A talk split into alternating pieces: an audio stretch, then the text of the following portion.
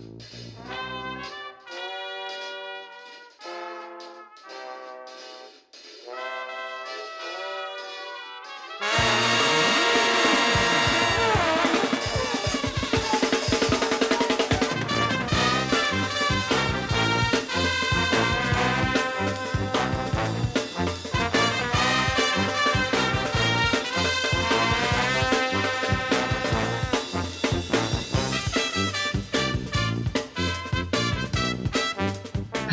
croeso i benod 88 o Ysbeidio Heilog gyda fi, Lee Jones. Nes i bron dweud Llwyd Owen. so what? It's two fat ladies, dyma ni. Uh, a fi Llwyd Owen, uh, eh, lle byddwn ni'n rhoi sylw i'r pethau bach sy'n greu gwahaniaeth mawr yn ystod y cyfnod honco di ben draw hwn. Losers, ni yn ben yn bodlediad annibynnol, yn dyn ni? Yn dyn ni? Ydyn, ydyn. Mae pob, ma pob penod yn annibynnol. Um, ac ie, dyn ni'n ddibynnol arnych chi ein grandawyr hyfryd i lledeini'r gair am be dyn ni'n gwneud, a dyn ni ddiolchgar i chi am wneud, felly dilynwch ni ar Twitter at ysbeidiau heipod, ar Instagram, ond dwi byth yn logio mewn, Uh, ag, ie, yeah, dyna ni, really. Os yeah. eisiau llychio, llychio ceiniog rhithiol at ni, cewch chi wneud hefyd trwy Ko-fi, co-fi.com blind slice ysbeidio heilog. Diolch i bawb sydd wedi gwneud eisoes. Pobl yeah, hyfryd iawn. Nag yeah. gennych chi ddim i gwell gwario hair i'n ar. Wel, anyway. Ta be, Llwyd, mae'n a westau. Oh, Take it away. Oes, oes weird. Uh, yn ymuno gyda ni ar y benod yma, mae llais cyfarwydd i unrhyw un sy'n gwylio neu'n gwrando ar y newyddion ar Radio Cymru ag S4C. Mae'n reiddiol o ddol gellau ond bellach yn byw ym Henarth. Mae ganddi fywyd deiblyg gan weithio fel gohebydd gwleidyddol yn ystod y dydd a blogiwr bwyd ac awdur llyfrau coginio gyda'r nos fel rhyw catwoman cacenog. Felly strapiwch mewn am awr o siarad am ddim byd ond bwyd a diod yng Nghymru fi, Eli, ac Elliw Gwawr. Helo! Helo! Diolch yn fawr! Croeso! Dwi'n licio bod rhyw Croeso. catwoman cacenog. Llawn cacenog. Dyna ti. Dyna ti. Ond, um, ti, o'n i'n siarad jyst cyn cymryd dechrau, ti, ti actually yn, yn gwrando ar y nonsens yma, wythnos i wythnos fi'n clywed. Uh, dwi'n meddwl fi wedi gwrando ar pob un penod, dwi'n fath ar ryw wow. weird superfan. hwnna'n rhyfeddol, mae hwnna yn rhyfeddol, ond yn amlwg, yn amlwg, mae gormod o amser dy ti ar dy ddwylo, a dim gwneud i wneud, so, um, ti'n yeah, ond... Ti'n dyfalu gwneud hynny, Ellie? Na, wel, ti'n gwybod, a day off, rhywbeth i'w rannu yn ddim, cael lols, pan ti just cael lawr street weithiau. Ambell waith pan dwi'n golygu dwi'n dyfaru. Mae hwnna... Ti'n fast beth if you write it, so mae'n ffain. Mae jyst wedi gwael arno fi, mae hwnna'n golygu bod ti wedi gwastraffu 87 awr o dy fywyd yn gwrando ar fi, Eli. Oh, God. O leia, o leia. O, fe yna'n poen. Hwnna, hwnna. Bron... Eisiau ti Ti'n gwybod, mae eisiau ti gael good long look at yourself i fan. Oes, dwi yn mynd i ddechrau cael hobi newydd, sori. That's. Wel, ti'n mae gyda ti, mae gyda ti hobi sydd wedi troi yn rhywbeth mwy uh, wrth gwrs gyda dy, uh, lyfr coginio. Byddwn ni'n troi at rhain am maes o law fi'n gwybod, achos ni yn mynd i fod yn siarad am fwyd a bwydach mewn munud. Ond fi eisiau dechrau, ti, o ti'n, nes i, nes i drefnu a uh, paratoi intro am Essex a quiz am Essex, achos o'n i wedi darllen yn bob man heddiw bod ti'n byw yn Essex. Uh, fi'n gwneud bach o, bach o waith ymchwil cyn bod ni'n gwneud y pethau yma, ond ti ddim yn byw yn Essex, ti wedi symud gartre i'r ddinas orau yn y byd, sef, wel... Wel, just ti allan. Suburb o Caerdydd-ish, Penarth. Yeah, it's, it's the Whitley Bay of the South. Um, nawr, be fi eisiau siarad gyda ti am yw, yw, yw acenion dy blant. Cos fi'n gwybod bod acen, acen plant li yn absolute mess. a fi eisiau gwybod sut maen nhw'n swnio ar ôl tyfu lan yn Essex am be, deg mlynedd a wedyn dod i Benarth. So, ti'n mo? Um, does o ddim tinc o Benarth ar nhw eto. Um, dyn nhw ddim yn swnio fel hwntws eto, diolch byth. Mae hwnna'n really poeni fi. Um, ma... Well, yeah, dyna'r thing dwi'n meddwl, achos, achos hwnna'r fideo nath fynd yn feirol o, uh, o dyfab di Osian yn siarad Saesneg ac yn siarad Cymraeg. O, oh, Griff oedd... Dweud... O, oh, Griff oedd hynna, yeah. Nagi, yeah, sorry. Yeah. Um, ac ie, yeah, ac, ac ti'n yn ymganu yn Saesneg gyda acen, yr acen mwyaf Essex yn y byd, a wedyn uh, yn Gymraeg yn hollol ogleddol. Felly ie, yeah, ti'n bod, mae yna y ddau began yma yn, yn tynnu fe i ddwy wahanol gyfeiriad, a dyma ti'n ei gymryd e i benarth o bob man yn y byd. Ie, yeah, dwi'n gwybod, so mae dal yn swnio fel gog, really cri. Mae'n swnio fatha fi yn Gymraeg, a mae'n swnio fatha i dad yn Saesneg. A ie, yeah, mae o'n enganu gair sydd yr un peth, ond mae'n dwy ffordd wahanol, dibynnu fe pwy mae'n siarad o. So, fel, er enghraifft, mm. oedden ni, uh, os o'n deud tomato, so ti'n dangos tomato iddo fo, i fi sy'n deud tomato, ac i'w dad sy'n deud tomato. A, a mae jyst yn dibynnu... E, mae o hyd yn oed, mae'n rili really od, achos yn ystod y cyfnod clo, o'n i'n dysgu adran amlwg ac o'n i'n gorau gwneud fideos o stwff i'r ysgol a gyrn nhw fewn. So oedd o'n neud, oedd o'n mynd i ysgol Saesneg yn amlwg, ac um, oedd o'n neud y fideos mae i fi, ond pam oedd o'n siarad Saesneg efo fi, oedd o'n siarad Saesneg efo acen Gymraeg, oedd o'n really What? weird. A wedyn, os ei dad yn ffilmio fo, so yn siarad Saesneg fel mae'n fel arfer yn siarad Saesneg. So ie, yeah, wow. mae'r ma ffordd mae ymenydd o'n gweithio yn hollol bonkers. Uh, Wedi dweud, uh, mae e unwaith, uh, nath really, nes i fynd, na, na, na, na, na, mae o. Nes i gywir efo. Uh, so, Dwi'n trio neud siw mor hir y phosib, dwi ddim yn siarad efo hwn tŵ. Ond um, sgren gobaith efo Osian, achos dim ond tair oed ydi o. Ond mae o, mm. mae o basically, fatha mini Danny Dyer bach. Mae o, um, oedd o chwarae fo berfa yn yr ardd, a, a oedd mynd, mam, mam, look at my wheelbarrow. A dwi'n fatha, oh, okay, yeah. So, yeah, mae o just yn cymysgu y ddau yn dod adro'r ysgol yn mynd. Ti'n gwybod beth? Uh, yeah, a dyna picture of y gwas yn neidr. A dwi'n fatha, okay. yeah.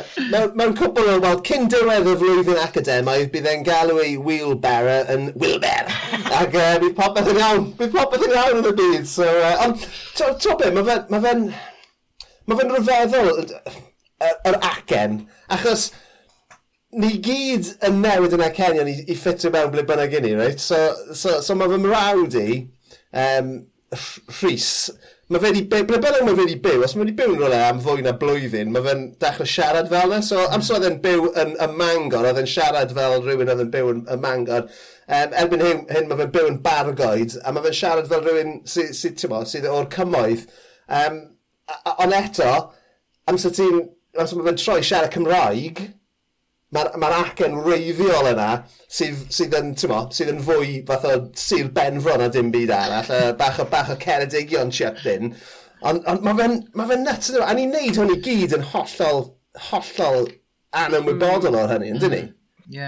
Mae'n amazing. Ydy, oedd yn ngwra fi'n siarad. Beth yw'r enw, ynddo? Ie, oedd yn ngwra fi'n siarad heddiw. Oedd ni'n dweud, sgwn i, os fydden nhw'n parhau i siarad Saesneg fel hyn, achos yn aml, yn disgwyl falle bydd i Cymraeg nhw'n newid, ond fydd i acen Saesneg nhw'n newid hefyd. O'n i just, mae'n mynd i fod yn rili really diddorol i weld be fydd yn digwydd i'w acenion nhw. Mm. Wedys ti bod eu tad nhw yn dod o Essex, right? Ie, yeah, wel, gwyddel ydy o strictly, ond uh, gath o'i eni yn Nilyn, ond di cael ei fagu'n yn Essex ers oedd o'n chwech. Ok, so mae fe'n swn, ma fe swnio fel rhywun o Essex, edi. right? A, a, a mae'r y, y, y dylanwad mwyaf ar, ar, ar, ar blant yw'r rhieni, mm. right? yn enwedig yn, yn, yr, uh, yn y blynyddoedd cynnar yna. So, I reckon byd nhw'n swnio fel cockneys am byth. O leia, dyna be fi'n gobeithio fydden nhw. Dwi'n eitha licio hynny. Dwi'n licio pan mae gen pobl sy'n siarad Cymraeg, fatha acen really weird yn Saesneg. Dwi'n meddwl fatha oh, Malcolm Allen. Ie. Yeah. Oh, Malcolm, Malcolm Allen. Amazing. Mae fe'n rhyfeddol. Mae fe'n rhyfeddol. What's going on there? This is just somebody Millwall, mate. That was it. Na gyd, na gyd ddigwyddodd i Malcolm Allen. Ie, yeah, mae fe'n fantastic. So, ti'n I mean, mae'n plant i yn mynd, mynd trwy glantaf, ond dyw acen glantaf ddim byth ddim beth oedd hi a beth, ddim, ddim beth dylsau fod, achos mae'n ma, ma plant i... Oh, honestly, glant, glantaf purist, he was. Ond eh, uh, mae nhw'n swnio'n yn neutral yn y, yn y Gymraeg, bys ni'n gweud, bod bron dim acen dyn nhw, a wedyn, ac yn Saesneg, mae nhw'n swnio fel bod nhw'n dod o America rhywle, achos y, y dylanwad tymo, TikTok aidd sydd ar bopeth maen nhw'n gwylio erbyn hyn. So, ie, yeah, mae fe'n ma fe, ma fe mwy ddiddorol. I love well, it. Nath, um, nath Naomi ddweud wrtho fi wythnos diwetha, dwi'n meddwl oedd na, oedd na rhywun yma yn gwneud gwaith neu rhywbeth yn y tŷ, a dyma Naomi yn dweud wrtho fi ar ôl iddyn nhw fynd, ti'n siarad yn wahanol pan ti'n siarad gyda Geordies. Gallwn ni glywed enghraifft! Gallwn ni glywed! Well, na. Dwi'n achos YA, man. Ie, wel, ti'n ma, dwi ddim yn fel dwi'n gwneud hynny o gwbl, ond, ti'n ma, just pethau bach falle, just, just, ti'n ma, rownd, uh, rownd yr ymylon falle, dwi just, uh, just, yn, just yn dweud pethau just mewn ffordd dod i feddal falle. Ond, ie, uh, yeah, weird. Ond eto, just eisiau cael dy dderbyn. Um, Wel, yn union, ie, achos dwi dwi ddim eisiau nhw feddwl, achos, achos, yn amlwg, dim, achos, Mae hwn yn really, really weird i fi. Dwi'n mynd i fynd yn really ddofyn nawr ar, ar gyfer fy hunaniaeth i. Ond pan, dwi, pan dwi'n siarad Saesneg, does dim acen geri o gwbl. Dwi ddim yn swnio'n Gymraeg um, o gwbl. Um, neu, ti'n modd, beth ydych chi'n disgwyl acen Gymraeg trwy'r Saesneg i swnio. Felly, ar gyfer fi, mae fy hunaniaeth i... byswn ni, bys ni di really, really stryglo gyda hunaniaeth Gymraeg, on i bai am y ffaith fy mod i'n gallu siarad Cymraeg. Achos mae gen i hwnna yn ymhoced yeah. gefn trwy'r amser. Dwi'n gwybod, does dim ots beth yw'n acen i yn siarad Saesneg. Dwi'n gwybod fy mod i'n Gymraeg. Os oes unrhyw un yn herio fi, um, peidio swnio'n Gymraeg, dwi'n gwybod, wel, dwi'n rigol yn y Gymraeg, felly dwi'n ffain, dwi, dwi yn Gymraeg. Um, ond, um, yeah, sorry, nes i, dwi wedi mynd yn... yn Dwi'n yn rhif Do, Dwi'n yn ti dod yn fi nôl. Um, Mae eisiau raff! Elling, tabla raff! O na, sorry, dwi'n cofio na. Ond, diolch, diolch i chi da. Ond, um, o na, mae di mynd eto. Na. na, so, ond pan dwi'n siarad Saesneg felly, ti'n bod, achos dwi'n gen i ddim yr acen yna, yn y default i bobl sy'n clywed fi, falle bod nhw'n meddwl fy mod i'n dod o dde Loegr. Hmm. A, oh. a mae hwnna... Essex. A mae hwnna... Wel, leia Essex, ti'n bod, mae yna rhyw fath o rhywbeth rhyw fath o hunaniaeth yna, rhyw fath o ddiwylliant. Ond... Dwi'n uh, mynd mor bell a hynny te. Rhyw fath, nes i ddim, nes i ddim, ti'n bod, nes i ddim dweud wedi na. Um, ond, um, ond ie, yeah, felly dyna'r thing wedyn, dwi'n kind of cymryd ymlaen beth sy'n digwydd o nghwmpas i mewn, mewn ffordd bach iawn pan dwi'n siarad Saesneg. A dwi'n meddwl mae'n ffordd tebyg, achos di'n acen Saesneg i ddim, dwi ddim yn gri iawn yn Gymreig, achos mm. adolgellia reit yn y canol, dwi ddim yn rili really gog pan dwi siarad Saesneg, fatha rhywun y Bangor neu rola. A pan wnes i brifysgol yn Llundain, dwi'n siŵr bod fi'n rhoi acen fwy Cymreig ymlaen, mm. just er mwyn fatha profi, achos bod mynd, oh, you don't sound Welsh. Ni fatha, well, I ah. bloody am. Ac yn fatha, a dechrau swnio fatha, ti'n fatha, all right. Fi dod fatha rail fatha acen typical Cymraeg ymlaen, just i wneud o swnio fatha bod fi'n Gymraeg. Wel ie, yeah, mynd i ddwy gyfeiriau gwahanol ymwneud gyda Saeson am y tro cyntaf.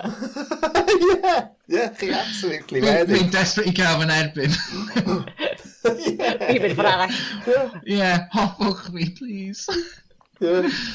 Oh, Wel, ti'n ma be, mae'n really yn ddiddorol ac yn dechrau gwych i'r benod, a fi fach bod ni wedi uh, palu Lee allan o'r twll na, achos mae ganddo fe gwestiwn holl bwysig i ofyn i ti, Elliw. Wel, dwi'n siŵr ti wedi bod yn barod i ateb y, y gwestiwn yma ers oesoedd, felly, elli, beth... Tair mlynedd. Ie, yeah, beth ni dy hoff gaws di? Genuinely, bob penod yma, god, be di'n hoff gaws i? Um, Dwi'n really gwybod, uh, dwi yn caru caws, just tia, i roed allan na. Um, dwi yn, y caws dwi'n bit o fwyaf, obviously, cheddar, standard, staple yn y, yn y, yeah. yn y fridge drwy'r amser. Um, ond ar hyn o bryd, un dwi'n really licio ydy Baron Bigod Dwi'n meddwl os fel y ti'n deud o, ond mae o fatha bri Saesnig ydi o.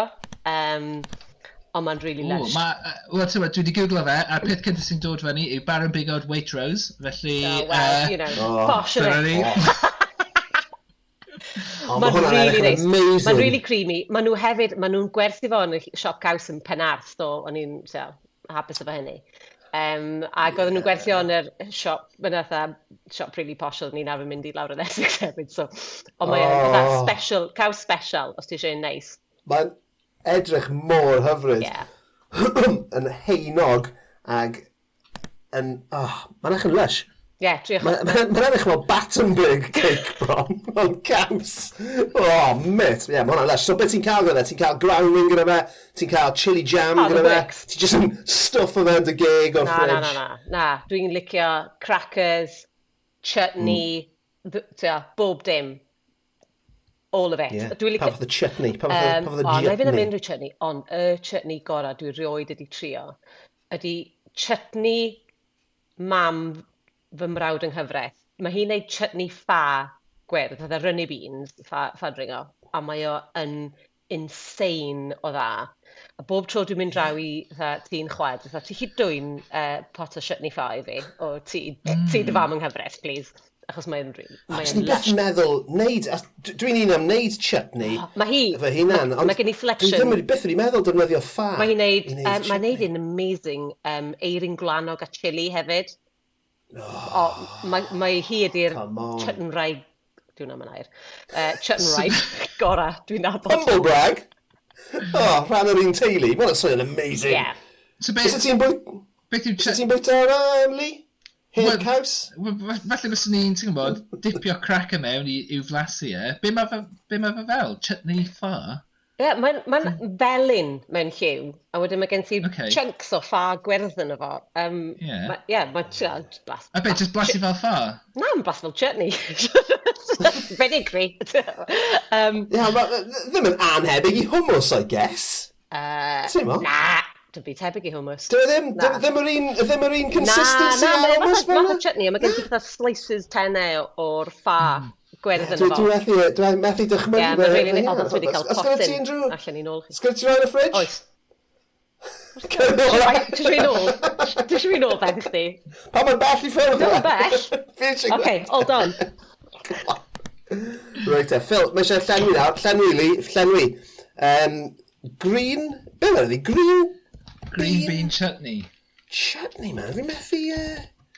Oh, mae Recite oh, Nigel Slater. I got it, yeah, yeah man, okay, okay. a Bean Chutney. Oh, well, well. Mae'n edrych yn. Yeah, yeah, I see it, I see it. Hold on. Yeah. Mae ngwri just that, yeah. what are you doing? So, Shove it up. Dyma fo. Yeah. So, oh, nice. Theatney. Yeah, yeah, yeah, yeah. yeah. Oh, yeah, bys ni'n absolutely chwalu. Yeah, na, no, mae'n ma amazing. A, mewn bechdan efo cheddar, bob, e, oh, unrhyw beth. Um, yeah. Ond, um, yeah, dwi'n dwi yn caru caws. A mae rhai fi sôn, fatha pan o'n i'n blant, oedd um, un o'r pryd di syl, fatha swper no syl, standard ni, oedd, um, ti'n absolutely excited hyn, um, Lee, caws ar blat. Um, dwi'n di hwn ddim yn rhywbeth mae lot o bobl yn... Bob nar yn man, dwi'n dod ar draws pobl sydd wedi cael hyn. Weirdly, Charlotte Church yn ddiweddar yn sôn am hyn. Um, Ond basically caws, slices o caws ar blat, rhoed o dan y grill tan mae o'n toddi, uh, a dyna ni. a ti'n adio condiment iddo, so oedden ni'n arfer fel plant, so ni'n gwneud gwynebau arno fo, so ni'n fydda dau pickle onion, bach o beetroot fel gwac, coleslaw, whatever, be bynnag ti isio. A just bita, oedd ni'n cael dim carbs o, o'n i just yn bita caws, a ti just yn gorau watch bod ti ddim yn llosgi dy fysedd, achos oedd y plant mor boeth ar ôl bod yn y grill, oedd o fatha, yna bach o jeopardy wow. yna hefyd. Mae hwnna'n fel... swnio'n yeah, ridiculous. So, cheese, okay. cheese on toast, heb a toast. Yeah! It's amazing. Just, yeah. Wow. Uh, so, yeah, dwi, tia, so, dwi, dwi wedi bod yn fan fan o gaws erioed. A dwi, dwi'n gwybod dda, wel ti ddim wedi cael hyn li, ond um, llwyd, wyt ti erioed wedi bita gymaint o gaws fel bod dy wallt di yn oglaw gaws yn y bora, bod ti'n chwysu caws. Mm. Um, dim fy ngwallt. oh my god, nath ni um, sgio unwaith cael fatha... Um, oh, be mae'n gael efo? Pan ti'n cael... Fatha... Oh, beth yna? E? Fi'n gwybod iawn beth ti'n siarad am. Raclet. Raclet. Yeah. Raclet. Oedden ni wedi mynd i ryw fatha... Caws, caws yeah. yma. Yeah. Night ski thing. Oedden ti basically just yn cael caws di toddi i feta efo chydig o datws a loads a loads o win a cwrw. Oh. A wedyn, ar ôl hynny'n sgil lawr y mynydd uh, yn chwildrins, uh, mm. just so, health and safety disaster. Mm. Ond gan mai dyna'r unig beth gen i fita, nath ni just absolutely smash. Ac oedd y bron fatha her i trio gorffen yr hanner mm. cosyn yma.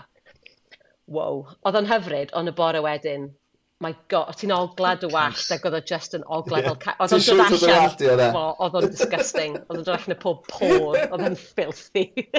mm. Mae hwnna'n rhywbeth, ti jyst wedi, ti jyst wedi crybwyll rhywbeth fyna, dwi eisiau ag angen neud, a just dipo chips mewn caws yw hwnna. Ah. Oh. Mae angen i fi wneud mwy o hwnna. Mae angen i fi wneud mwy o hwnna gyda fy, yn fy mywyd. Sa'n i'n wneud hwnna digon. Yeah, so chips caws ar bob dim. Yeah. O, fi, fi, fi'n... Ond ie, yeah, just, just caws i toddi a dipo tatws rost a wneud chips mewn. Come on, sa'n gwneud na digon. Fi'n fi mynd i wneud na mwy, fi'n mynd i wneud na fori. So, uh, diolch am hwnna. Diolch am hwnna. Fel bod i'n marw o heart attack nawr. So, fi ddim, o le, fi ddim wedi ti rando ar, ar fwy o, o benodau, ond dyna ni. Um, yeah, superb. So, so ti'n caru caws ti'n ti siopan Waitrose, a fi jyst wedi gweld y pris oh ar dy hoff gaws ti. Oh my god. Big Aldi fan, actually, ond uh, just splash allan ar caws bod yeah. ar y. Am yr essentials. Am yr essentials o Aldi, yna. caws really drud o Waitrose. so, y cwestiwn nesaf, a mae wrth gwrs yn gysylltiedig gyda'r gyda, gyda, gyda caws, a sawl cheese grater sydd yn dy gegin fach? Um, Mae'n ddrwg iawn gen i dy siomi. Lloyd. Oh. Dim ond dau. Oh. Mae gen i, uh, obviously, the standard box grater, pawb efo un o heina. Uh, a mae gen i fatha microplane grater, un o'r rheina sydd môr finiog, os ti'n, maen nhw'n, ti'n, ti'n greitio dy fysedd fel arfer hefo'r parmesan. Yeah. Parmesan neu zestio, y ddau beth yna. Oh, Ond dim ond dau, ie. Yeah. Yeah. Mae gen i cheese slicer, well, well, Dwi'n fan mawr yeah. o'r uh, Swedish cheese slicer. Ah, di hynna'n cyfri te, Llwyd, y cheese slicer? No, Fi'n meddwl bod rhaid wedi roi yna mewn, achos oedd Uh, oedd Emeirin Caradog yn siarad am, am hynny, a nes i gwybod bod mm. yn defnyddio um, potato peeler, a yeah. nath e, nath e, nath e dryd arfer yn cwbl o ddyddiau yn ddiwedd arach yn neud yna, yn greito i gawsa. E. Ond ie, yeah, fi'n meddwl bod yn goffi bod mewn e. Unrhyw fath o gyfarpar cawslyd, mae yeah. hwnna, mae'n rhaid cyfrin yeah, yn does. So ti'n lannu, lannu okay. drwy. Ond fel, fel, fel ni wedi dod, ti'n y casgliad ni wedi dod yw, bod dim actually angen, ti'n mae'r ma box, mae'r box greater yn pretty much yn gallu gwneud popeth. Well, a wedyn, ti'n mo. Ti'n gallu slicio gyda Ie, na, diolch yn mynd gweithio'n dda iawn. Ac actually, sy'n neb yn defnyddio mwy nag un ochr o'r box grater, oes e? Dim ond yr bit gratio normal, mae unrhyw un yn eisio. Sy'n neb yn eisio'r ochr ennill, chos maen nhw'n rybys. So ti angen un man arall i wneud dy parmesan a dy zestio. A ti, os ti'n slice o fan, ti angen slice o separate. Ond, ie. Yeah. Mm. Yeah, so dyna ni. A fi'n meddwl, well, ti, ti, yn y, ti yn y Champions League spot ti ôl Richard Ellis nawr, yn dwi ti? Nid lle agos i Richard Ellis. Just like, she's zero. Show off. Sy'n neb yn credu Richard Ellis. Erbyn hyn, anyway. Rich, os ti yn gwrando, fi'n gwybod bod e'n gwrando. Ni eisiau e lli, ni eisiau line-up, ni eisiau fel usual suspects line-up o dy saith cheese grater dyn, a sy'n angen ni. Ond, uh, yeah, so, I mean, fel ni, fel nes i glwbwll ar dop y uh, uh, uh, uh, benod, ti yn vlogiwr ac yn awdures sydd yn coginio ac yn, ac yn pobi. Um, so, so fi, fi, fi eisiau gwybod nawr, beth yw'r peth mwy o rhyfedd, um, mwy o weird ti beth yw'r bwyta? Uh, Sean Kins y Gwair di cyfrym o'n caws. Dwi wna'n fe hwnna'n eitha weird. Love. A caws. Oh, Obviously, mae'n caws. Just chunking to gwair ar blat. Just o that um, accompaniment i'r caws ar blat. Sut nath hwn ddigwydd? Ie, yeah, oedd gen ti caws ar blat ac oedd e jyst i wneud i mewn. Ie, oedd jyst wneud i mewn nes i o fo. So pam, like, na. O'n i yn, um, yn Oaxaca, yn, uh, yn y Oaxaca ar y South Bank, oedden nhw'n wneud fatha mhm. experimental Oh, bydde, ie. Yeah. Um, oedden nhw ddim yn neud yn y restaurants eraill. Um, ddim eisiau swnio hmm. fatha, ti'n go, food wanker, ond, sorry. Uh, Mae'n rhy oer! That ship has sailed. Um, uh, yeah, so nath ni weld Sean Kins y Gwair arno fo, a nath ni fynd amdani. Oedden nhw'n rhaid, oedden nhw just fel crunchy. Crunchy. Bach yn crunchy. Yeah. Yeah. Yeah, snim yn argymellio, really, ond... Ond dyna'r dyfodol, ewyth? Wel, mae pawb yn deud, ond maen nhw'n just, maen na rank yn di. ond, ond, ond bydd dim dewis dyn ni mewn, ti'n mo, erbyn, erbyn bod y Kenyon dy blant di wedi newid, bydd dim dewis dyn ni. So, bydd ni gyd, bydd ni gyd ar, ar y trychfilod. Mm. And, ond leia, bys ti'n gallu, wel, I don't know, sut mae'n mynd i newid dy pizzas di, Lee, achos bydd dal ddim caws yn nhw, ond... Uh, Sut ti'n bwyta caws trychfilod, Lee? Oh. Mm, Wel na, nid, well, just dim caws o gwbl, dim diolch. Oce, okay. oce, ah, na ni te, ti'n mynd i, mynd i farw gyntaf ne. Yeah, Ag, fine, um... fine. Os i'n mwynhau dewis, dwi'n hapus, dwi'n hapus gyda fy newis i. yeah, so, trach, so, so Sionkins y gwair, ond yn, yn Oaxacas, ti'n siarad am Oaxacas, yr er, er, er bwyty Mexican, ie? Ie, ie. Ie, yeah, mae'n neud. Ond i'n meddwl bod ti'n mynd i wedi rhywbeth fel o'n i yn, ti'n Taiwan neu... Na, na, ar South Bank yn Llundain. Just... Yeah, um, Ond ie, nes i bron, nes i gael cynnig unwaith, yna un pryd, o'n i just, fatha, wff, disgusting. Ond o'n i'n arfer byw, o'n i'n byw yn Austria am uh, ychydig bach yn neud ski season, a um, oedd y mos di yn dod Austria, ac um, oedden ni'n mynd allan ar y mynydd y sgio a cael bwyd allan fy bynnag. Gatho gael y pryd ma, A nath o trio cael fi fito fo, ac o'n i just fatha... Mm, uh, uh, uh. Oedd o'n edrych fatha cawl llwyd efo loads o just bits o random cig yn efo. Basically, be oedd o, oedd uh, cawl efo fatha lung, calon a perfedd yn efo. Oedd o fatha, oh, this is really delicious, you must try. And you fatha, no, thank you. That sounds absolutely rank. Uh, yeah. So, That'd yeah. Um, Lee, beth ti'n meddwl o hynny? Mae hwnna'n swnio'n disgusting. Dwi ddim yn hoffi cawl ta beth. Dim cawl? Dim cawl? Unrhyw beth sy'n...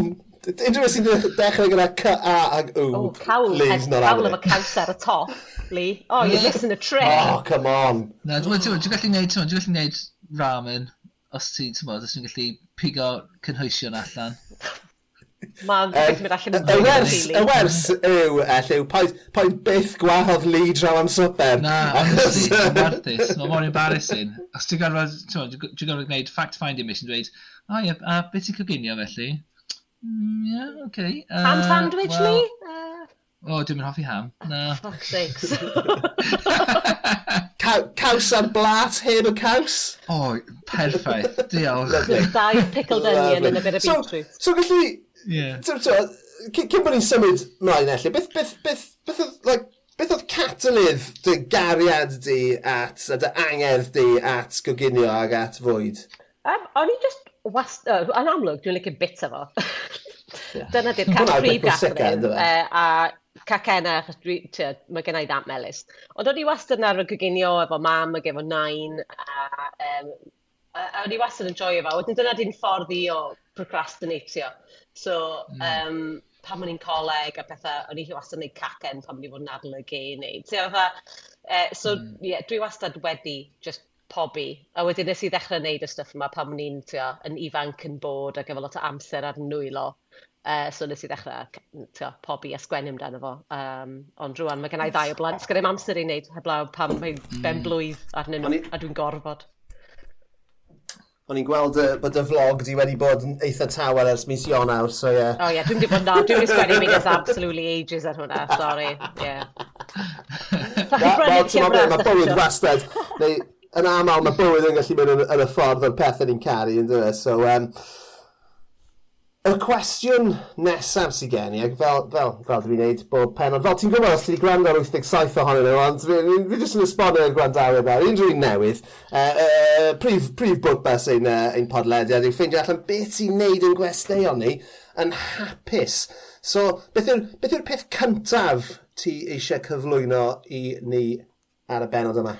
Wel, ar hyn o bryd, um, gymnasteg Hmm. Gymnastig? Ia. Yeah. Go on. Uh, so, uh, pam o'n i'n ifanc, o'n i'n arfer wneud gymnastig uh, lot. Uh, pam o'n i'n rysgol, o'n i, um, yeah, o'n i'n neud cryn dipyn ac yn cystadlu ac yn y blaen ac yn y blaen. Uh, Mae mhlant ti rwan yn neud o. A uh, ar ôl symud uh, i Bynarth, oedden ni cael uh, clwb uh, i'r, uh, i Griff yn, yn y bari. A i, dyma nhw'n gorau e-bost yn dweud, oh, mae yna adult gymnastics classes. So nes i feddwl, o, oh, dyn ni'n licio gwneud hynna. O, Dwi'n gwybod pam, dwi'n 43, dwi'n rhy hen i'r shit yma, ond uh, dwi'n really, really mwynhau o. So, um, yeah, bob nos lun, dwi'n mynd i wneud gymnasteg yn bari, ac yn really uh, mwynhau wneud pethau really stupid fel trio wneud backflips a somersaults a mynd ar y beam a pethau yn fy oed i. Ond felly, jyst ofyn, fel... Fel rhywun sydd yn eitha injury prone, a na gyd fi'n neud i'w redeg a seiclo, nag ti'n ofnus bod ti'n mynd i cael anaf? Um, Wel, dwi ddim yn rhedeg o gwbl. Wel, un achos dwi'n gysau, achos mae'n beth stupid i wneud. Ond dau hefyd, mae ma peng... O, o! Jesus! Dwi'n really offended efo hwnna, yn gysau, ie. Um, Good, na, achos na, dwi'n siŵr dwi wedi dweud hwn o'r blaen, ond wyt ti erioed wedi gweld rhywun yn rhedeg? Ac yn mwynhau hynna? Yn union, yn union. Dyn ni ddim yn edrych fel bod nhw'n mwynhau, neb, erioed, byth. Mae nhw gyd yn gwrando am podlediad ni na pan. I wish. Ie, ond dwi'n beth i wneud, achos mae pengliniau fi'n really brifo, a- ond mm. rhywbeth, mae yna spring floors yn gymnastics, so di pengliniau fi'n ddim yn brifo gymaint. Ond, um, a, a dwi generally'n cysau cardio, um, mae'n really boring. So dwi'n mynd trwy phases yn neud ymarfer corff gwahanol, so am ages yn ei wneud yoga, am flynyddoedd, a wedyn nes i ddechrau gwneud loads o weight training, a wedyn symud rwan a dwi'n neud gymnastig a dwi'n siŵr na i gael rhyw random injury, a, a dwi yn fatha, dwi ddim fel plentyn 40 oed sy'n gallu just neidio off pethau heb ofni. Ie, yeah, yeah. dwi yn, teo, sefyll ar so, top y pan o'r agos wyt ti at neud backflip te? Um, dwi, dwi dal fo bach o waith i wneud, ond allai wneud o hefo rhywun just yn helpu fi chydig bach. So... Ie, yeah. ni gyd yn gallu gwneud hynna, dwi? Oh, I'd like to see it. Nah. I'd like to see it, okay, cwestiwn, cwestiwn dyn ni, right? achos o'n i'n, o'n i fel, fel ti, o'n i'n arfer cymryd uh, fy mhlant i, i fel gym lle o'ch chi'n cerdded mewn ac oedd just y, y llawr i gyd yn spring, oedd, ti'n mo, springboards, uh, pop, oedd e, e fel, um, ti'n mo, fel, fel, fel ystafell feddal. Yeah. Oedd e'n amazing. Dyna lle nath fy merch lleiau i syfu ddysgu cerdded oedd wrth bod i chwaer fawr i wneud gymnasteg, achos oedd hi'n gallu just treial treialag a dim ots os oedd hi'n cwmpa, reit? Ond ar un pen o'r gymnasium yma, o'r gampfa yma, hyd yn oed, right? bach o gyfieithu fyna i chi, um, oedd na, na fel pit llawn bricks meddal. Yeah. Os mae yn yn dy gampfa di? Oes, mae'r ma works yna. So mae, mae, e mae, mae pob dim, ia, mae pob cyfarpar gymnastig, mae e just yn gampfa ar gyfer so, gymnastig. Cwestiwn, cwestiwn nesaf. Ar ddiwedd gwersi gymnasteg fy merch i, o'n nhw'n cael 10 munud o just taflu ei hun yn yr pit yma. Wyt ti'n neud yr un peth ar ddiwedd y sesiwn di? Ac os na, pam na? na, achos dwi'n uh, oedolyn yn fywyd yr amser, uh, llwyd. Uh, a y broblem, yeah, problem yw, ti'n gorfod dod allan rysid. A mae hwnna'n fwy o struggle pan ti'n yn oedran ni. So ti'n gorfod mynd boddi dan y pethau ffwm ma ac yn trio dringo allan. Dyna ddim cweith mor hawdd. So, yeah. Mm. Oedd hwnna'n edrych fel fel y mwyaf hwyl gallu ti gael mm. yn y byd. Ie. Yeah. Um, Ond ma yna dal lot o hwyl i gael just yn bownsian o gwmpas fel ffwl mm. a hmm. just fatha neidian o gwmpas. Um, yeah, so... So, wyt ti'n canolbwyntio ar fel pethau, achos ti'n fel, fel, fel, fel rhywun sydd wedi gwylio cymo, tymo, yr Olympics. Ond e unwaith, ond e unwaith yn fy mywyd. mae ma, ma gyda ti floor exercises, reit o'r mae gyda ti pethau ar y cyfarpar a pethau hollol o wahan. So beth, beth wyt ti'n canolbwyntio arno? Na, da ni'n neud, da ni neud bob dim. So pam o'n i'n neud gymnastig uh, yn ifanc, o'n i ond yn neud floor ac oedden ni'n neud fatha acrobatic gymnastics lle ti'n gweithio mewn pairs neu trios ac yn gwneud balances a mae gen ti plentyn bach wow. yn gwneud headstand na handstand ar dy sgwyddau a rhyw pethau fel la. Ond Ac o'n i'n dolgelliad, gynnu ni ddim cyfarpar. Oedd gynnu ni just to go for that foam mats a stuff. Oedd gyda chi actual ceffil yn y gampfa. Yeah, basically. so mae'r cyfarpar eraill i gyd yn hollol, hollol newydd i fi. So dwi rioed i hmm. fod ar y bîm, ar bars a pethau. Ond dwi'n dysgu gwneud heina hefyd. For my sins. Wow. Mae ma, ma, ma fe'n e, e fe scary. Oh god, ie, yeah, yndi. Ydi. like, ti'n what, amser ti'n just yn neud o lan ar y beam. O ie, yn ti'n fatha... beam? Ie, yeah, so beam ydi... Just, just sefyll yna, o'n i fi wedi sefyll yna, just oh, yeah. shit o'n i'n ar y top. Ie, yeah, da ni... right then. Basically, ymarfer just fatha... Neud jumps really tiny arno fo. Mae'n, mae o'n, dwi ar yn incredibly novice. Dwi basically yn yr un peth mae mab i'n neud sydd yn wyth oed. uh, dwi'n gwylio fo'n neud, a dwi'n dweud, oh yeah, dyn ni'n neud stwff tebyg. Slightly embarrassing. So, ond... faint o, faint o bobl arall sy'n cael midlife crisis sydd yn y dosbarth yma? mae yna um, ma dipyn, um, ond mae ma lot ohonyn nhw yn... Um, fi'n gwybod. I don't give a shit. Mae'n wir. Um, Ti'n siarad gyda dyn nath gofyn i Betty George os mae beth yn ei bwyta coc kangaroo cofio. So, Genuinely, hoff moment fi yn y byd erioed oedd hwnna. Cofni fi wenda. Definitely, y peth fi mwyaf balch o. um, Mae ma, ma lot ohonyn nhw yn bobl weddol ifanc sydd newydd orffen neu gymnastig fel, fel plan ifanc. So, mm. mae unrhyw un dros 16 yn cyfri fel adult gymnastics, not fair. Um, felly mae gen ti plant sy'n chweched dros fath y bro yna, a um, pethau fyny. A mae yna ma dipyn o ddynion yn neud o, so ti'n gael llwyd os ti isio ymuno, uh, croeso i oh, ti'n neud. Oh, God. Ti'n gwybod be? O'n i'n chwarae pel droed tan yn...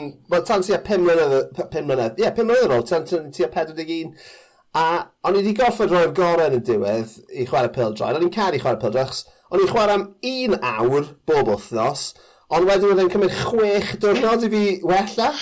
A wedyn, o'n i'n cael un diwrnod lle ni'n teimlo'n iawn, ac o'n i'n neud ei gyd eto. Oedd y muscles i just, o'n nhw'n just yn cael ei rhwygo i bob, bob cyfeiriad. A dwi just ddim... A hefyd, problem arall yw whiplash. Bys ti'n cael whiplash bod rho ti'n cwympo? Na, chys mae yna bobl yn helpu ti wneud, dy fydda. Dyn nhw'n just yn mynd rhaid... Dwi'n sôn bod ti'n cael loads o help. Dwi'n sôn bod gyda ti dau, dau berson wrth ochr ti trwy amser. Gyda ni fatha coaches, a dwi ddim yn neud y byd, dwi ddim yn gallu neud, achos obviously dwi'n rhi shit scared i neud hynny. Um, yeah. yeah. So ie, yeah, mae'r lefel eitha syml.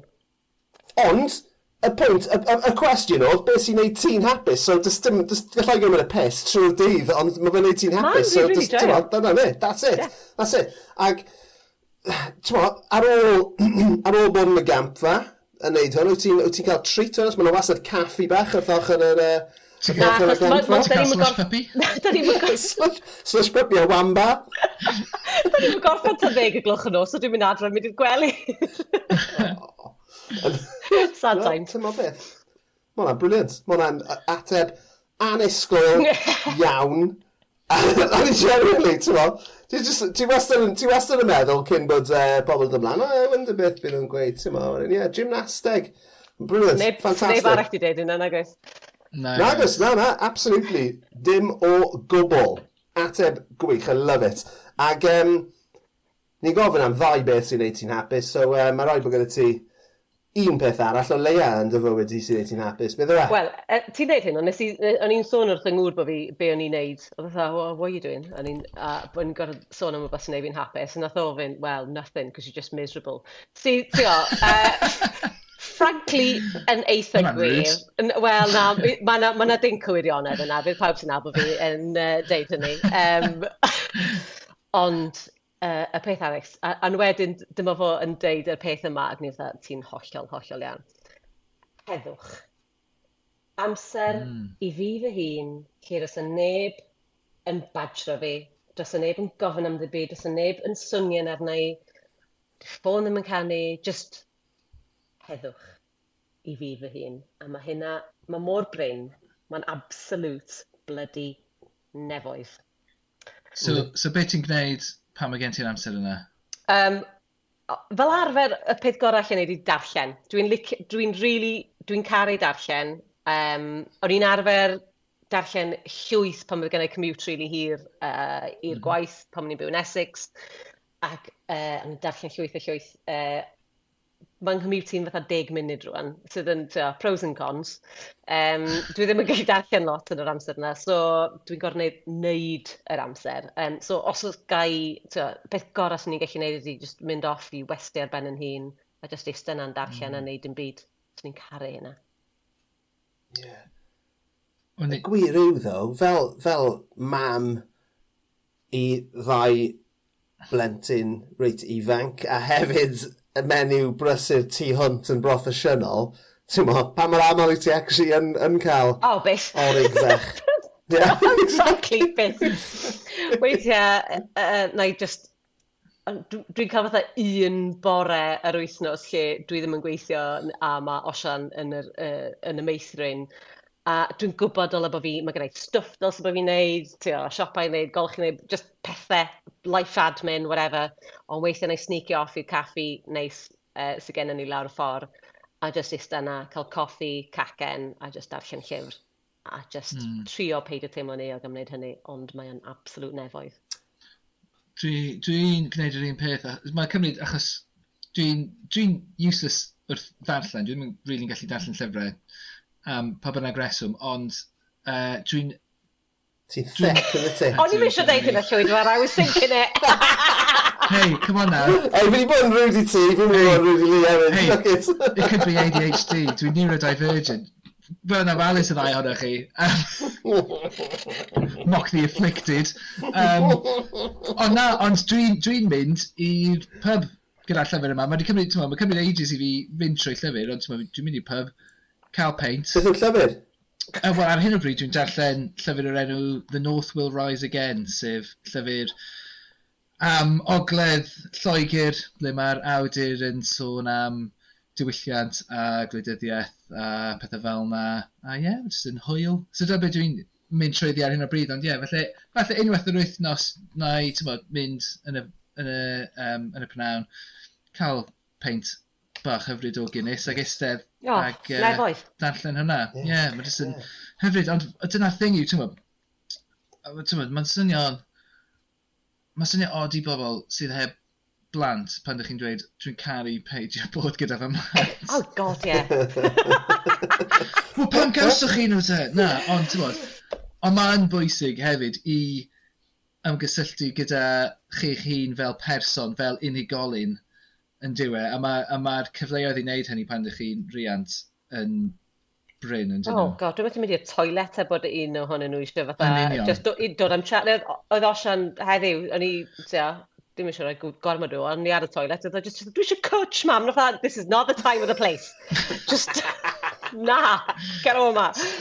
Um, ond nes nethon ni, o'n i wedi mynd i um, Australia chydig o wythnos yn ôl, ag um, a nes just, o, oh, eista ar yr awyren yn darllen. Oedd o just yn hyfryd, just mm. list.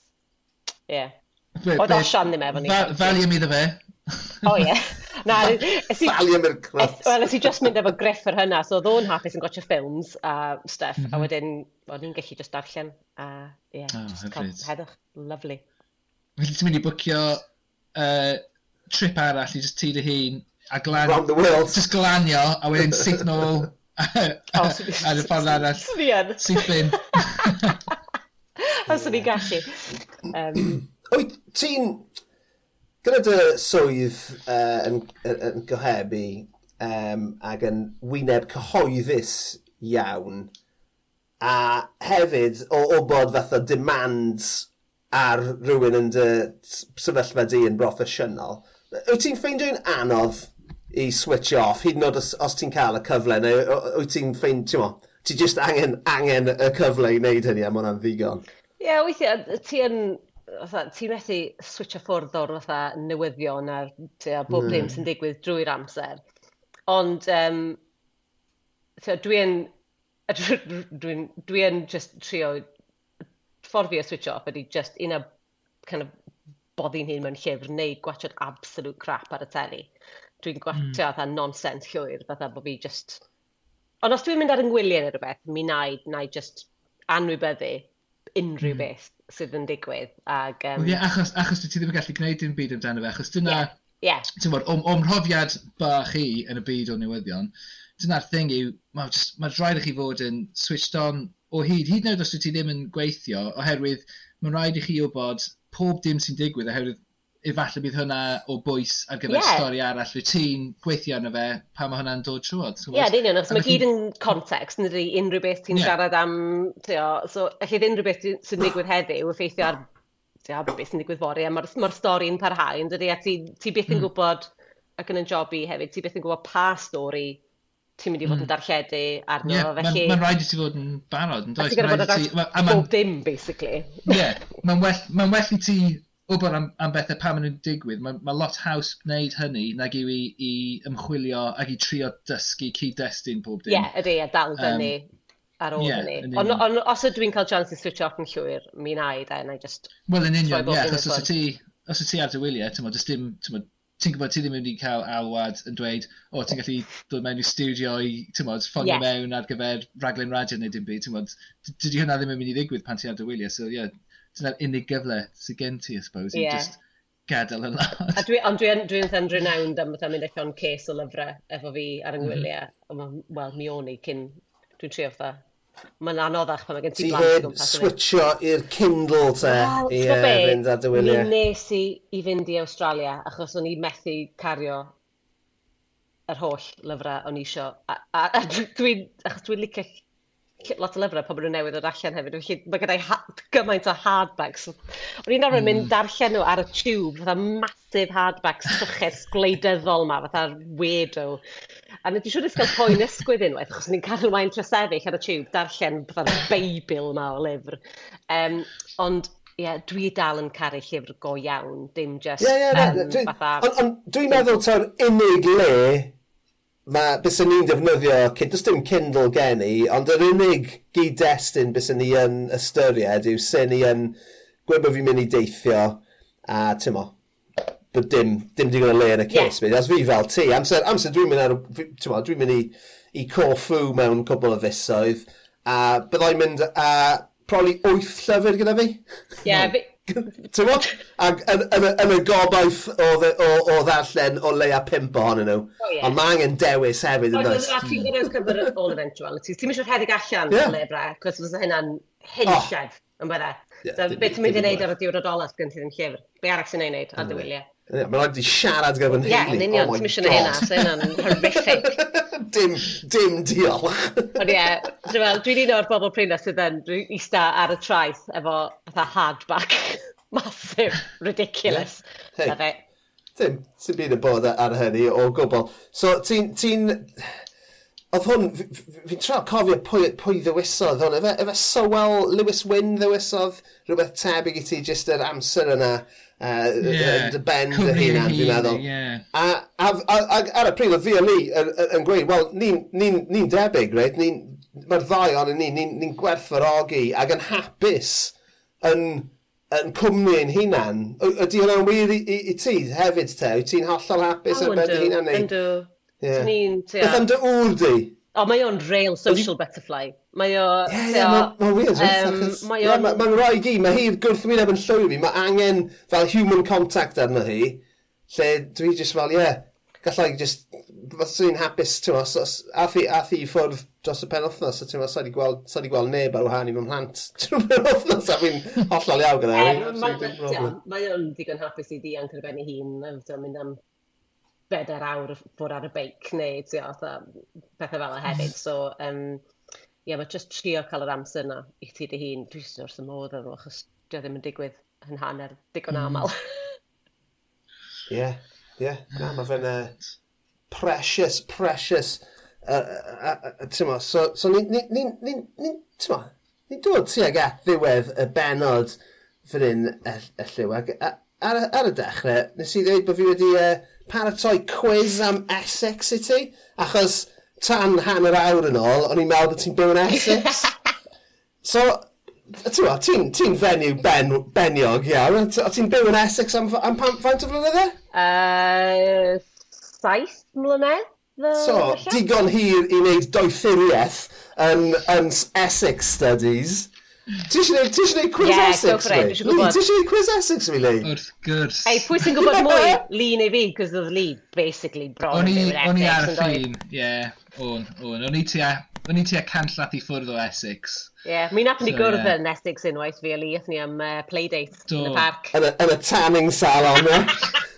Y dau person gwelw yn y byd. Mae pawb, mae pawb, mae gan pawb y, kind of, y ddelwedd yma o Essex yn eu penio nhw, ond mae Essex yn ledig iawn. Um, Ydy. A just pentrefi bach um, cyfoethog iawn yn, yn, mewn ardaloedd gledig yw Essex. Ie. Yeah. Yeah, Dwi'n hoff iawn o'r, or lle, gael i just dweud hynny. Yeah. Dyma ni, so chi'n chi barod? Go for it. Oh yes. Y cwestiwn cyntaf. Pa dref yn Essex oedd prif ddinas Prydain ar un adeg. Col Dim Google Lee. Colchester? Mae gen i, ie, yeah, ni dweud Colchester. Ah, mae'n hynafol yn dweud. Ie. Bys Byse'r ddau o'r chi'n iawn. Yes! Colchester, Colchester rhwng uh, AD 43 yeah. a AD 61. So dim, dim, dim hir iawn, ond, ond um, o, o be o'n i'n darllen, mae yna ma ma dal um, waliau rhyfeinig o'r cyfnod yna dal yn, yn conscious mm. chi'n mynd i weld heddiw. So, pa un o'r celebs, cwestiwn da gyda llaw, pa un o'r celebs yma sydd ddim yn dod o Essex? Helen Mirren, Jamie Oliver, Steve Cram a Ross Kemp. Jamie Oliver, Helen Mirren, Steve Cram, Ross Kemp. Mae un o'r reina ddim yn dod o, o Essex. Pwy ti'n meddwl, Elliw? Dwi eisiau dweud Jamie Oliver. Mae hwnna'n swnio fel ateb obvious yn diwedd. Essex. O na. Ie, yeah, dyna beth dwi eisiau dweud, ond... Ond dwi'n gwybod. Mae gen i rhywbeth yn ymhen sydd yn dweud falle bod e'n... Falle bod e'n dod o Braintree. Ydy o? Double, double, double muff. Ie. Yeah. Uh, na i fynd gyda... Uh, pwy ddau lleill? Helen Mirren? Ie, yeah, fine, Helen Mirren. Elliw, ti'n gweud Jamie Oliver? Wel, ddim rwan, achos mae'n amlwg yn anghywir yn dweud Rockham. Steve Cram, mae Steve Cram yn dod o, o Newcastle. O, ydy. Fel mae'n dod na. Steve Cram yn dod o Newcastle, Gateshead. Ydy. Ydy, yn enwog. O'n i'n meddwl bys y ti yn gwybod hynny. Ond dyna ni, dyna ni. OK, so, cwestiwn 3. Pier South End yw'r pier hiraf yn y byd, ond pa mor hir yw e? 1.75 milltir, 1.1 milltir neu 1.34 milltir o hyd. 1.1. O, oh, bys ni wedi mynd am yr un mwy... Mae yna ma tren yn mynd ar gydol... Mae yna tren yn mynd, oes. Mae'n anferth. Mae'n anferth. Uh, so ie, yeah, bys ni wedi mynd yn naturiol i 1.37, pa bynnag gyda'r un mwyaf. Dyna fe, ti'n hollol iawn. 1.34 milltir o hyd. Mae hwnna'n insane. Mae'n massive. Mae'n genuinely insane. Mae South, ma South End yn, well, iffar o le yn diw ie. Ydy, mae'n le ar arbennig iawn. Nw'n i adael arlef yna. OK, I do. Falle bod ti wedi cymryd rhan yn, uh, yn hwn, ond um, mae'r Great Dunmo Filch Trials Ti wedi clywed o'r hynna? Ti wedi clywed o'r hynna? Na bo. The Great Dunmo Filch Trial. Maen nhw wedi cael eu cynnal yn Essex bob pedair mlynedd ers 1114, right? Sy'n amser hir.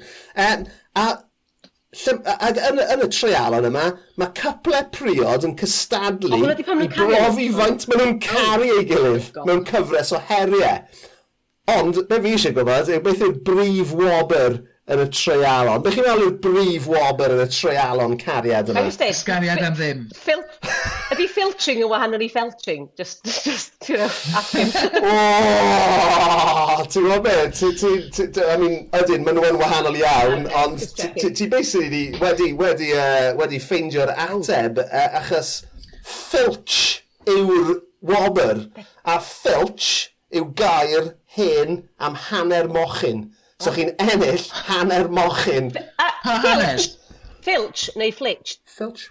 E, Filch. Filch. O, achos oedd na restaurant yn. Ie, a mi o'n i ddim yn gwybod hynny tan heddiw, ond ie, yeah, mae hwnna'n swnio fel Sean a Sian on crack i fi. um, so, cwestiwn 5. Mae Essex yn enwog yn rasio milgwn, ond pa fath o anifail gwnaeth Romford Races geisio cyflwyno i'r byd rasio yn 1937. Ieir? Mae gen i... I'd love to yeah. see it. Mae fe'n mwy eithafol na hynny. Um, uh, llewod? Ie, yeah, ti'n agosach. Cheaters. Wow. Nothen nhw wow. rasio cheaters. Um, Be nath ddigwydd? nath e bara un ras gethon e nhw. a nath, so, nath nhw ddim rhyw ras as cathod e yn yma. E. Ond uh, yeah, mae'r ma hanes i gyd fyna mental. A hefyd, ddim, sorry, ddim eisiau spoilio hwnnw ti llwyd, ond di romth ddim actually yn Essex, mae'n Llundain. Oh my god. oh my god. Ydy yna wir? Ydy, ydy. Ydy yna wir? Mae pawb yn o'r Romford yn Essex, ond dydio actually ddim, ddim Great London. Ges i'r cwestiynau yma off gwefan o'r enw Essex Facts. Ie, yeah, mae pa, no, ma, ma, ma, ma sir hynafol yn dywi. Ydy. Fi'n mynd i, fi mynd i ysgrifennu e-bost y fori at yno. Yn gweud, bod Elliw Gwawd yn gweud bod Romford ddim hyd yn oed hynna, so, so fuck you. I don't want to be a pedant, but I am. Yeah. Ers, ers y chwedegau, neu rhywbeth oh, yeah, fatha yn hynafol mi oedd o, ond rwan. Yeah. Yeah. Wel, wel, dyna ni. Ni'n dysgu, ni dysgu pethau hen o boes. Um, Pa siop gardiau enwog agorodd ei drysau am y tro cyntaf yn Epping y 1968? Siop gardiau enwog Clint. Epping 68. Clinton. Clinton. Clinton. Clinton. Yeah. Clinton. Absolutely. Clinton cards. Cwestiwn saith. Ble yn Essex mae'r ddrysfa fwyaf yn y byd? Drysfa maze. Y ddrysfa fwyaf yn y byd yn Essex, wel, gobeithio bod yn Essex, falle bod y lle yma ddim yn Essex o hyd, ond fi'n gobeithio. Ti'n gwybod am unrhyw, unrhyw mazes yn, uh, yn Essex, allan? Uh, uh, na. Ti'n mewn rhyw, rhyw hen, hen di, neu rhywbeth? Castell, yeah. Mae mewn lle yn nhw Saffron oh, Weldon. Yeah. Oh, yeah. Beth yw hwnna? Pentref neu plasti? Na, pentre. Tref. Pentre. Pentre. E- dyna lle mae e. Wel, tref, ie. Dyna lle mae e. Saffron Weldon. Lovely stuff. Right e. Beth yw arwyddo'r Essex? Fi'n siŵr, mae dyn nhw gyd sy'n rhaid ti'n neud yw edrych ar tattoo ti, e? Um, I weld. Fi'n siŵr bod gen ti hwn y tattoo. Falle bod e ar dy... Falle bod ar e'r gweilad y gefn di. Imagine, cael tattoo o arwyddo'r Essex. Oh, come on, beth yw e? Um, Dwi'n gwybod mae gen nhw fatha tair fatha ble cyllall, machete ydy'r yeah. logo. Yeah. Um, catchy weapon. you Yeah. uh, dwi'n gwybod. Yr arwyddair yw Many Minds One Heart. Oh god, mae hwnna'n eh? awful, ynddi. Cheese nice. fest. Mae hwnna hwnna yn swnio fel tattoo, though. O, mae na, ma na rai bobl definitely fe hwnna fel tattoo yeah, yn Essex. Guaranteed. Oes, oes, oes, oes, I love it. Lot o bobl yn South End, dwi'n meddwl. Dau gwes, wyt ti'n rhigl mewn slang o Essex, eh, elliw? Uh, gawn ni weld. gawn ni weld. So, mae na, fi eisiau gwybod beth yw ystyr y term butters. O, oh, hyll. Hyll, ie. Yeah. Diolch. Diolch yn fawr. Ti'n gwybod, ti'n gwybod o le mae hynna'n dod, Llwyd? Na. Yw e'n roi mynd slang? Neu, Na, e? ci. Achos ma, be mae'n dweud yw bod, bod ti'n dweud bod corff rhywun yn dda, but butter face. Oh, ie. Yeah. O'n i'n meddwl bod o'n dod yn dda, bet ugly neu rhywbeth. Ie, mm. felly, ie, na, felly o fanna mae'n dod. Da. Butters. Yeah, lovely. Gwy, na, ni am dysgu. Ni am dysgu. Misogynistic. Na, y gwrth, y gwrth.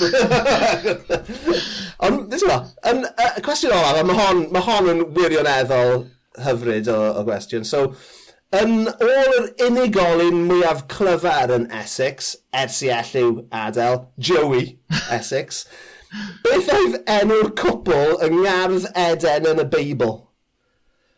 So, nath, nath rhywun ofyn i, fe Ac e, ei at, mae ateb yn absolutely hilarious. E, nath o ddeud wrth Charles and Diana neu rhywbeth stupid fel e. O, ti ddim yn bell off, ti really ddim yn bell off. Liz and Phil. Richard and Judy. Mae hwnna'n amazing. Mae hwnna'n amazing. Sut ti'n gallu bod more wrong? Beth... Apparently, oedd e ar Celebrity Juice A o'n nhw'n gofyn iddo fe, um, sa'n gwybod, oedd cwestiwn am Richard and Judy lan, a, a dyma nhw'n gofyn, hey, uh, Joey, do you know Richard and Judy? A gweld fe, yeah, aren't they the ones from the Bible? With the apple, dyma fan o wedi. Amazing. yeah. yeah, that's the one, that's the Amazing. one, Joey, diolch yn fawr iawn. Oh my god, dyna ni wedi dod ar ddiwedd y quiz. Um, does neb wedi ennill hynna, let's face it, ni gyd wedi colli. Um, ond, falle bod ni wedi dysgu ambell beth um, am Essex, uh, lle nad yw elliw yn byw o gwbl erbyn hyn wrth gwrs. So, hollol, hollol am herthnasol. So, yn olaf, cyn bod ni'n ffarwelio, um, plugs, mae gen ti lyfrau i'w gwerthu. Oes, os da chi dal eisiau prynu nhw, maen nhw allan na. Be di enw nhw? Mae na un... Popeth ar-lein erbyn hyn, anyway, ynddyn nhw. E? Dim ma, dim y llyfrau. Ti'n meddwl gael ar e-books? Ti'n meddwl gael llyfr coginio ar e-books? Da hynna'n ridiculous. Uh, pan oedd dychacen, blasus, pobi, whatever, prynwch nhw, they're amazing. Uh, fydd y plant... Maen nhw'n trwy'r lolfa? Wrth gwrs. Cyhoeddwyr llyfrau gorau'r byd, ynddo? Llywyd? Of course. Bob wythnos, bob wythnos.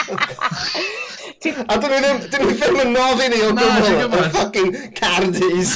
fucking cardies, what can you do? Dim bod fi eisiau cyfr arall gen nhw. Frankly, mae writing days rhywbeth, mae'n gorfod o hassle. Ie. Does na ddim, does na ddim byd fel na ar y gweill, dy Oh, na, sgynnau, wel, fel dwi'n dweud, sgynnau ddim uh, amser na gymynedd, na, uh, na, Ti'n gweld, well, there, there it is, there it is. Ah, sorry. Ti'n rhi brysau yn treial neud flick-flacks anyway. Ie, yeah, so, um... right days are over, guys. So, mwynhewch i llefod sy'n gennau. tan, tan mae'r nofel um, ti... yn dod allan, ti'n gallu oed ar nofel nas gen bawb, cos dwi'n clywed bod yn really hawdd. Yeah. Wel, mae well, rhaid i wneud llun ohonyn. Os dwi'n gallu ysgrifennu, definitely. Os, os fi yn Joey Essex yn gallu, mae unrhyw yn gallu. Um, so mae gen ti ddau um, gyfrif Twitter yn, mae hwnna bach yn dodgy yn dweud. Mae hwnna wastad yn meddwl am sy'n mynd yn dau Twitter handle. Dau ffôn. Mae hon yn neud e? Dau Twitter handle, double life. Uh, na, mae gyda un uh, elliw san, pan ni'n byw, pam ni'n gweithio'n San Steffan, nes i ddweud hwnna, uh, er mwyn i fi gael mwydro and stuff. O'n i'n meddwl, amser ti o dan adain Mr Miyagi well, o dde. there is that hefyd. uh, achos dwi'n cael mwydro'n wleidyddol, achos di pawb yn eisiau clywed fi'n malu cachu mm. am wleidyddiaeth. Uh, a wedyn yeah. mae gen i un elliw gwawr sydd just fi'n malu cachu am dim byd lot dyddiau hyn, ond tyfa, rant, feminist rants a cwyno am stuff, basically. Yeah. Wel, dyna ni. If you love a bit of that. Gyhoeddus. Check it out. Yeah, gwych. So, os chi eisiau Dilyn, elliw, bant â chi? Dwi ar Instagram fwy yn dweud cynnig aneis o pethau, cakes a plant a tŷ, whatever, ar, ar LUG o whatever, dwi'n meddwl. Gret. Wel, diolch yn fawr iawn i ti. Mae wedi bod yn absolute pleser cael dy gwmni di ar y benod yma. Um, yeah, diolch yn fawr ti, a pob lwc yn y popeth. Diolch, dyma'r unig diolch. benod na i ddim gwrando nôl arno. Edrych mlaen i rand o'r Just dychmyga beth ti'n gallu neud gyda'r amser. diolch, Elliw. Diolch.